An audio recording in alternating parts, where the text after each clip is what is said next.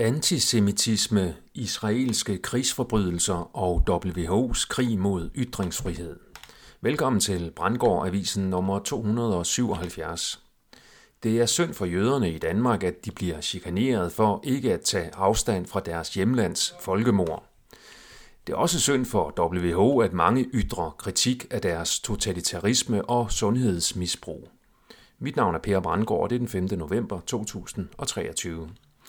Ifølge justitsminister Peter Hummelsgaard fra Socialdemokratiet er truslen mod jøder i Danmark steget siden Hamas-bevægelsens angreb på Israel den 7. oktober. Det har han udtalt til Jyllandsposten, og DR skriver, at antisemitismen vokser i Danmark. Det er uklart, hvad der gør de påståede hændelser mod jøder i Danmark til antisemitisme, i stedet for bare trusler og chikane, som følge af tilknytning til en stat, der udøver krigsforbrydelser. Der mangler i det hele taget en klar definition af antisemitisme, og det er svært at se begrebet og dets anvendelse som andet end et psykologisk våben, der bliver brugt til at forhindre den kritik og debat, der truer den sionistiske agenda. Begrebet er således antidemokratisk. Optakten til 3. verdenskrig som en samlet storkrig fortsætter. Ruslands FN-observatør har udtalt, at Israel som besættelsesmagt ikke har ret til selvforsvar. Rusland placerer sig dermed på palæstinensernes side sammen med de arabiske muslimske nationer. Flere magtkritiske medier har afsløret Israels krigsforbrydelser i Palæstina. Grundforbrydelsen er besættelsen af Palæstina, som vestens ledere, også i Danmark, stiltigende har accepteret og til med aktivt støttet gang på gang. Israel ser kun to mulige løsninger i Palæstina. Apartheidstat eller etnisk udrensning. Begge dele er krigsforbrydelser. De er nu alt for godt i gang med den etniske udrensning, det vil sige slutløsningen. At sammenligne Netanyahu og Israel med Hitler og Nazi-Tyskland er ikke helt ved siden af.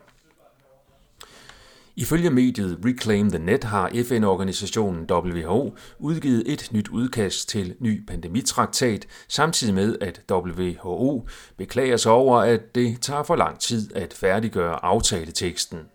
Næste WHO-møde, hvor traktaten skal forhandles, starter i morgen den 6. november og kører til og med den 10. november.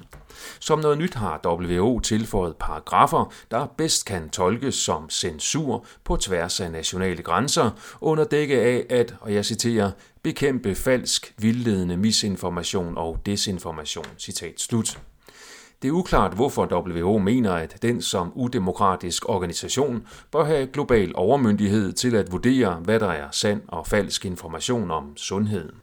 Det tyder dog på, at WHO føler sig truet af kritisk information, og det er jo sådan set godt nyt.